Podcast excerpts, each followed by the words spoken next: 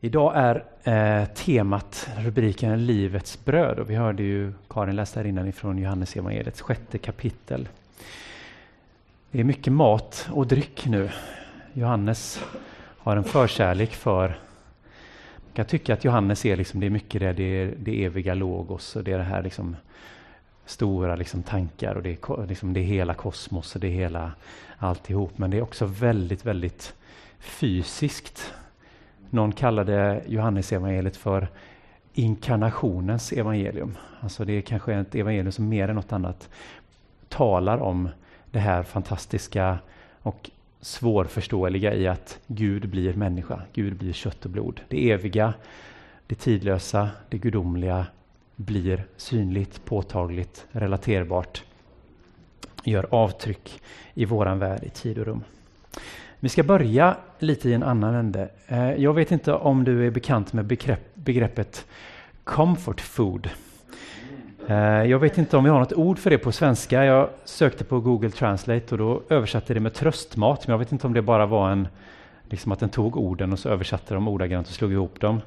Eh, det är ju den ordagranna lydelsen, men det, jag känner inte igen att man pratar om det, men comfort food kanske ni har hört. Det, um, jag vet inte om du känner till begreppet, men det handlar ganska kort och gott om att det handlar om, eh, om mat som i första hand fyller en lite nostalgisk eller sentimental funktion. Mat som ger en känsla av tröst och trygghet, helt enkelt. Vad är, du kanske har någon sån tröstmat? För mig så är svaret ganska enkelt. Det är tomatsoppa med snabbmakaroner. Det har varit min, när jag var liten var det min favoriträtt och även om jag kanske har liten breddat min smakpalett i vuxen ålder så är det ändå någonting så som ändå att sitta ner med en skål varm tomatsoppa med makaroner, det, det ger trygghet och tröst på något sätt. Och jag tänker då inte tomatsoppa, liksom en härlig hemmagjord tomatsoppa. Det är färska tomater som vi har mixat och det är färska örter och kryddor och sånt. Nej, det ska vara riktig burksoppa. Det ska vara Campbells eller Findus som gäller. Eh, jag kan även uppskatta nybakat bröd. Jag bakar en del själv och tycker det, jag är otroligt svag för nybakat bröd. Det är säkert fler med mig. Man bakar, jag kan lätt få passa mig. Jag kan lätt trycka i mig en halv limpa själv om jag inte är försiktig. Bara smör och kanske lite flingsalt och så bara ät när det är varmt. Det är så gott. En, en tredje bilden där på sliden, det är en kollega till mig berättar att han kunde så här ibland mitt i natten vakna och bara känna att åh vad sugen jag är på brysselkål. Gick upp och slängde en klick smör i stekpannan, stekte upp brysselkål, satte sig vid köksbordet där, två på natten, spelar ingen roll, och bara åt och bara... Ja, ni kan säkert relatera, kanske inte just till mina exempel, men ni kan säkert relatera till konceptet där. Egna exempel, mat som kanske triggar särskilda minnen eller känsla av trygghet, än att man tar den första tuggan och så känner man allting står rätt till i världen på något sätt. Den här söndagen så handlar det om mat. Förra söndagspredikan handlade om vatten. Det är ju två nödvändiga substanser som vi behöver för vår överlevnad.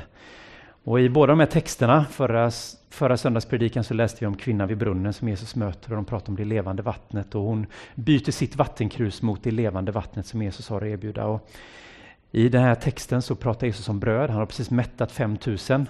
Och efter det så börjar han prata om det levande brödet. Det är liksom, båda de här texterna påminner om varandra på det sättet. De börjar med faktiskt liksom näring, det vi behöver, det är vatten. Men så använder Jesus det här för att prata om någonting djupare, någonting evigt. Någonting som inte bara handlar om mättande av hunger och släckande av törst. Um, och som sagt, ett av Johannes teman, det är ju det han slår an i det här första kapitlet, det vi kallar för Johannes-prologen. Han liksom sätter en dagordning eller agenda, slår an en ton för egentligen hela evangeliet och som vi liksom kan se hur han återkommer till i de här olika mötena och i sina olika berättelser. Och vad är det egentligen den texten säger i början? Vi ska läsa några, repetera några verser ifrån Johannes kapitel 1. Eh, vers 14 och 18 ska vi läsa där.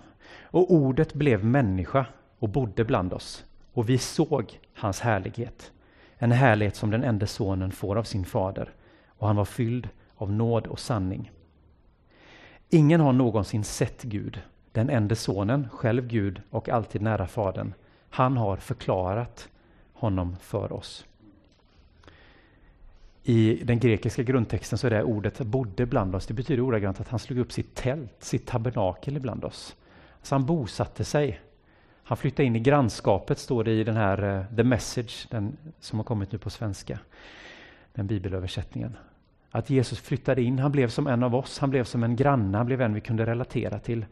Det eviga blev plötsligt någonting vi kunde se och ta på. Um, Walter Bryggeman som är en eh, framstående teolog som framförallt skrivit mycket om saltasalmerna och profeterna. Han, han kallar detta, som när Jesus blir människa, kallar det för det specifikas skandal. Alltså att det är något skandalöst i någonting som är så evigt. Och liksom så att vår, vi saknar ibland ord för att beskriva det. Vårt, vårt språk räcker ju inte till för att beskriva och liksom infånga vem Gud verkligen är. Men i Jesus så blir det här, det är någonting skandalöst menar han, i att det blir specifikt, det blir påtagligt, det blir fysiskt, det blir kött och blod. Och i den här söndagens text så har det eviga förkroppsligats, förkroppsligats så till den milda grad att vi läser att många av hans åhörare, när de hör Jesus prata om det där, blir så upprörda och förargade att de lämnar honom och säger, vem kan stå ut med att lyssna på det här talet? Till och med de som kallade sig hans lärjungar lämnar honom för att de säger, nej Jesus nu går du över gränsen. Så här kan det inte vara. Det är orimligt. De blir upprörda och förargade och går därifrån. Hur ska vi kunna äta hans kött och dricka hans blod? Det är ju barbariskt. Vad är han för en lärare?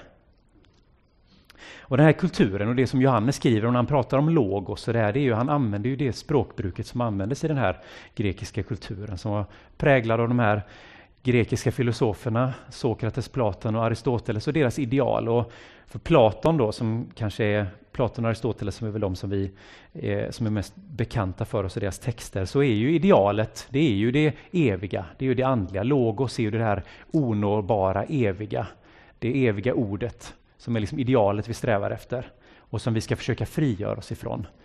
Eh, det här, vår, vår kropp och köttet, allt, det är ju bara en skuggbild. Det är ju inte det sanna, det är inte det äkta.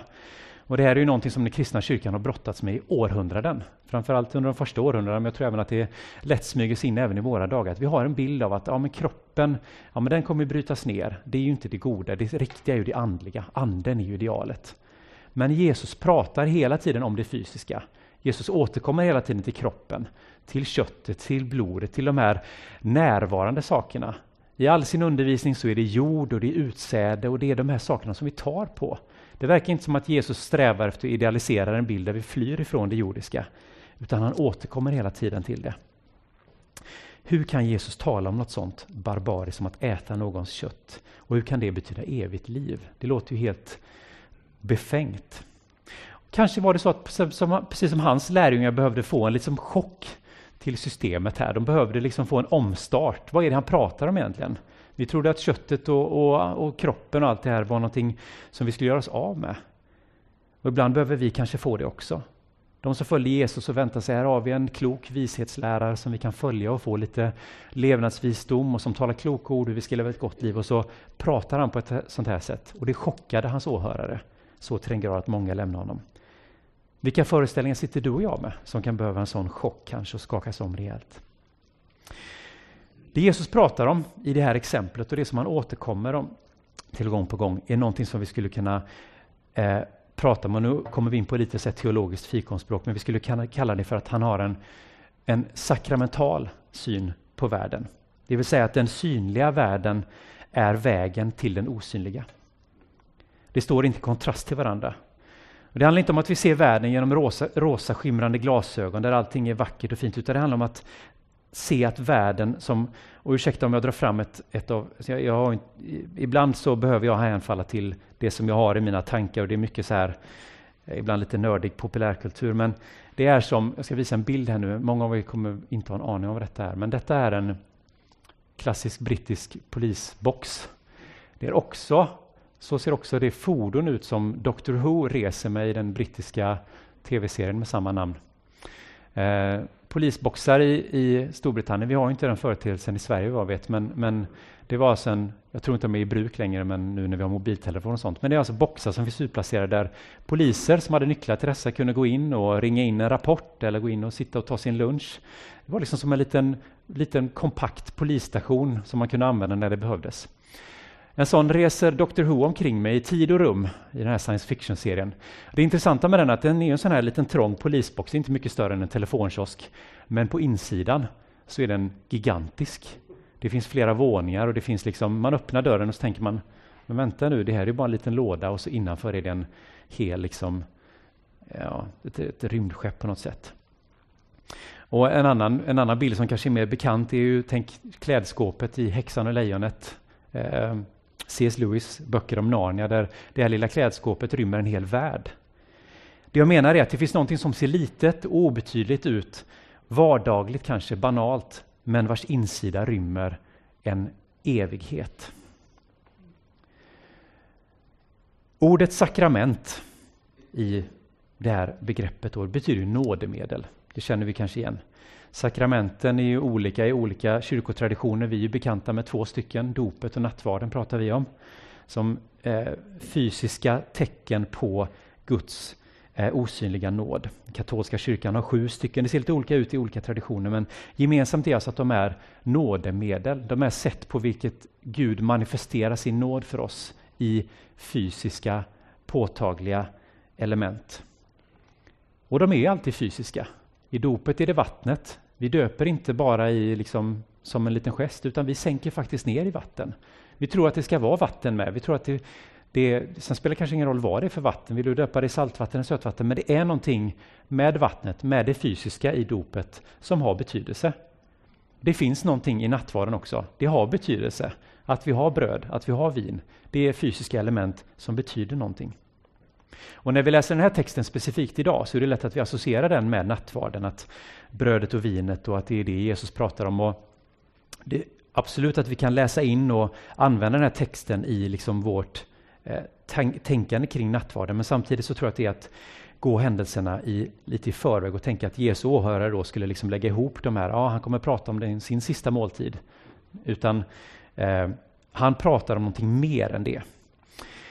Eh, en sakramental världsbild, det handlar om att vi begränsar oss inte vid de här nådemedlen. Det innebär inte att vi förringar dem, men det handlar om att vi ser dem som ett exempel på hur egentligen hela världen är en fysisk manifestation av Guds nådefulla närvaro och ingripande. Att hela världen kan för oss, när vi vecka efter vecka firar nattvard, när vi påminner oss om dopet vi har genomgått, så är det inte, vi stannar inte bara där. Det är vägen in i en mycket rikare bild, att se, mycket rikare sätt att se på hela världen. Och vi kan faktiskt träna oss i att se världen med sakramentala ögon. Att inte bara stanna vid vad nattvarden symboliserar utan att faktiskt låta våra sinnen aktiveras i själva ätandet av brödet och drickandet av vinet. Det finns någonting som händer där när vi smakar på det, vi känner smaken av det. Vi bejakar att Jesus, jag fattar inte hur, men på något sätt så är du närvarande i de här fysiska elementen. Inom den eh, ignatianska andligheten, eh, jesuiterna, en katolsk rörelse som har eh, deras grundare Ignatius av Loyola, han etablerade ett antal, beskrev ett antal andliga praktiker som många kristna idag i, i hela kristenheten praktiserar med stor välsignelse och behållning. Så finns det en, han beskriver i sin bok en andlig övning som kallas för examen. Det finns olika sätt att praktisera en andlig examen, men den är väldigt konkret och väldigt praktisk. Grundtanken är att man varje dag gör en tillbakablick, en återblick över sin dag, över sitt liv. Och Man bjuder in Gud att hjälpa en, vägled med att se på vilka, alla de, allt det som har hänt idag och se hur du, Gud, har varit närvarande och synlig i mitt liv. Det är en övning i att kontinuerligt träna sig att upptäcka att ja, men, mitt i allt det här vardagliga så kunde jag ju förnimma Guds närvaro. I den där vänliga gesten, i det där som hände där och då, så var det Gud som gjorde någonting.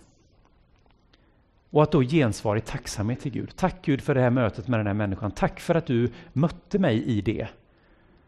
Tack för den här teckningen jag fick av mitt barnbarn. som liksom fyllde min dag. Tack för vad du, att jag fick uppleva din kärlek i den handlingen. Så det handlar om att lära sig att se Gud mitt i det där vardagliga. En god väns uppmuntran eller grannen som hade skottat min trappa också. Att se det som Guds nådefulla ingripande i vårt liv. Vi söker ofta det här övernaturliga, det spektakulära och missar alla de här vardagssituationerna där Gud vill tala till oss. Där Gud vill närma sig oss, där Gud vill uppmuntra oss och Gud vill visa sin kärlek för oss. Vi söker Gud i de där omvälvande upplevelserna, särskilda tillfällen, särskilda platser. Men Gud är ju ofta där hela tiden. Vi, eh, men vi visste bara inte om det. Allting är eller kan vara en plats för Guds uppenbarelse. Vi måste bara ta emot det i tro. Ibland tänker vi att tro, ja men det handlar om att vara öppen för det övernaturliga och spektakulära, men ibland tror jag att det krävs minst lika mycket tro att upptäcka Gud i det lilla. Att ta emot det som Guds nåd. Eh, James Martin, en amerikansk jesuit, han har skrivit en bok som finns utgiven på Libris förlag som heter Att söka och finna Gud i allt. En fantastisk jordnära, praktisk och vardaglig bok som jag verkligen kan rekommendera. Men han, I den så berättar han en historia om en man som han befinner sig i ett, ja, i ett område, han bor i en, en stad som drabbas av en, en översvämning. Mannen är inte troende, utan, men han bestämmer sig för att nu ska jag pröva Guds existens. Och så säger han till sig själv, om Gud finns så kommer Gud att rädda mig från den här översvämningen, när jag ber honom om det. Eh, Först hör han på radion ett meddelande om att alla måste evakuera sig, söker till högre platser. Han ignorerar eh, varningen och tänker istället att ja, men om Gud finns så kommer Gud att rädda mig. Strax därefter knackar det på dörren. En brandman som står där och säger du måste följa med, du måste ut. Vi håller på att evakuera hela stan. Han eh, säger tack för varningen, men eh, om Gud finns så har Gud lovat så, tror jag, så kommer Gud att rädda mig. Vattnet stiger och mannen går upp på övervåningen. Vattennivån stiger. Han tittar ut genom fönstret, kommer en båt från kustbevakningen. Och de ropar från båten, kom, rädda dig, du kan få åka med oss. Han bara, nej, om Gud finns så kommer Gud att rädda mig. Vattnet stiger, han måste klättra upp på taket. Hör han surret av en helikopter, en polishelikopter kommer och hissar ner en stege. Han ropar tillbaka, det stormar, han får skrika för att göra sig hörd. Om Gud finns så kommer Gud att rädda mig, ropar han. Helikoptern flyger vidare. Vattnet stiger och till slut kommer det en våg och spolar iväg honom och han drunknar. Han vaknar upp och upptäcker till sin förvåning att han befinner sig i himlen och befinner sig inför Gud. Först blir han förvånad och sen blir han rasande och säger Jag bad dig om hjälp, men jag fick ingen hjälp. Varför räddade du mig inte? Gud svarar honom, vad, vad pratar de om? Först skickar jag brandkåren, sen skickar jag kustbevakningen, sen skickar jag polisen. Och du tackade nej till alltihop. Du vill ju inte lyssna. Allt för ofta så finns Gud där. Gud gör sig närvarande. Gud talar till oss. Gud vill möta oss. Men vi har vår bild av, nej, Gud gör på det här sättet. Gud ska göra så här. Och så missar vi alla de sätt som Gud faktiskt vill förmedla sig till oss. Som Gud vill röra oss. Gud vill hjälpa oss. Gud vill lyfta oss. Ett av de första exemplen på att få upp ögonen på det här sakramentala sättet, det är texten om Jakobs dröm i Första Mosebok kapitel 28. Jakob är på flykt undan sin bror Esau som han har dragit vid näsan och stulit välsignelsen från. Och så lägger han sig ner för att sova ute i ödemarken. Så att han lägger huvudet mot en sten som huvudkudde. Och så drömmer han. Det är en väldigt känd berättelse. Det står att han ser en stege som sträcker sig från jorden upp till himlen. Och han ser änglar som klättrar upp och ner längs den. Och när han vaknar så kan vi läsa följande. Jakob vaknade upp ur sömnen. Sannerligen, sa han, Herren är på denna plats och jag visste det inte. Och han greps av bävan och sa, detta är en plats som väcker bävan. Det måste vara Guds boning. Här är himlens port. Tidigt nästa morgon tog Jakob stenen som han haft vid huvudgärden och reste den som en stod och göt olja över den. Han kallade platsen Betel. Betel betyder Guds hus på hebreiska. Jag tänker att ofta så förknippar vi det namnet med namn på kyrkor eller seminarier eller andra saker kanske. Vi försöker stänga in Gud, att här bor Gud. Gud bor i detta huset. Gud möter oss i gudstjänsten. Gud möter mig när jag stänger in mig på min kammare. Men Jakobs erfarenhet, det han fick erfara var att han vaknade där och insåg att här har jag legat och sovit och jag insåg inte att Gud var här. Jag la mig till, sömn, jag hade inte en tanke på att Gud var här. Men när jag vaknade så insåg jag, Gud är här. Han drabbades av fruktan och bävan, står det. Och han gör den här platsen till en, han reser ett altare för att, som ett minnesmärke för att här finns Gud. Vid den här stenen där jag låg och sov, där var Gud. Gud var inte ett tabernakel, Gud var inte ett tempel, Gud var inte långt borta. Gud var där och han visste inte det. Och Jag tror att det ofta är så för oss. Gud är där, men vi visste inte det. Det är därför vi behöver ibland titta tillbaka och se att men Gud, du har ju varit med. Du har ju mött mig. Du har ju gjort så mycket för mig. Och så kan vi gensvara i tacksamhet. Och Jakob visar här vad det är att ha en sån här sakramental syn på världen. Att mitt i allt det vardagliga så ryms Guds nåd. Så gömmer sig Guds nåd. Ibland fördold för våra fysiska sinnen. Men ibland finns det där om vi bara har öppna ögon. Varje plats är en plats där Gud uppenbarar sig. Varje plats är Betel, Guds hus. Varje daggdroppe, varje sandkorn är en portal till det eviga. Varje sus i vinden, varje fågelsång är ett tilltal från Gud. Och det är ju det här Jesus kallar oss till när han säger Ät av mitt kött och drick av mitt blod. I sitt tal här i Johannestexten i nattvarden, stanna inte vid det. Låt inte bara detta vara portalen till det eviga. Låt det vara en portal, låt det vara en tröskel, men in i en större verklighet. Stanna inte vid det. I Jesus blev det eviga förkroppsligat, inkarnerat. Och i nattvarden blir brödet och vinet Guds nåd fysisk och närvarande. Men det stannar inte där. Det är vägen till oss. Vägen till en värld där hela, hela världen är mättad av Guds nåd och närvaro. Gud, hjälp oss att se din närvaro i allt. Amen.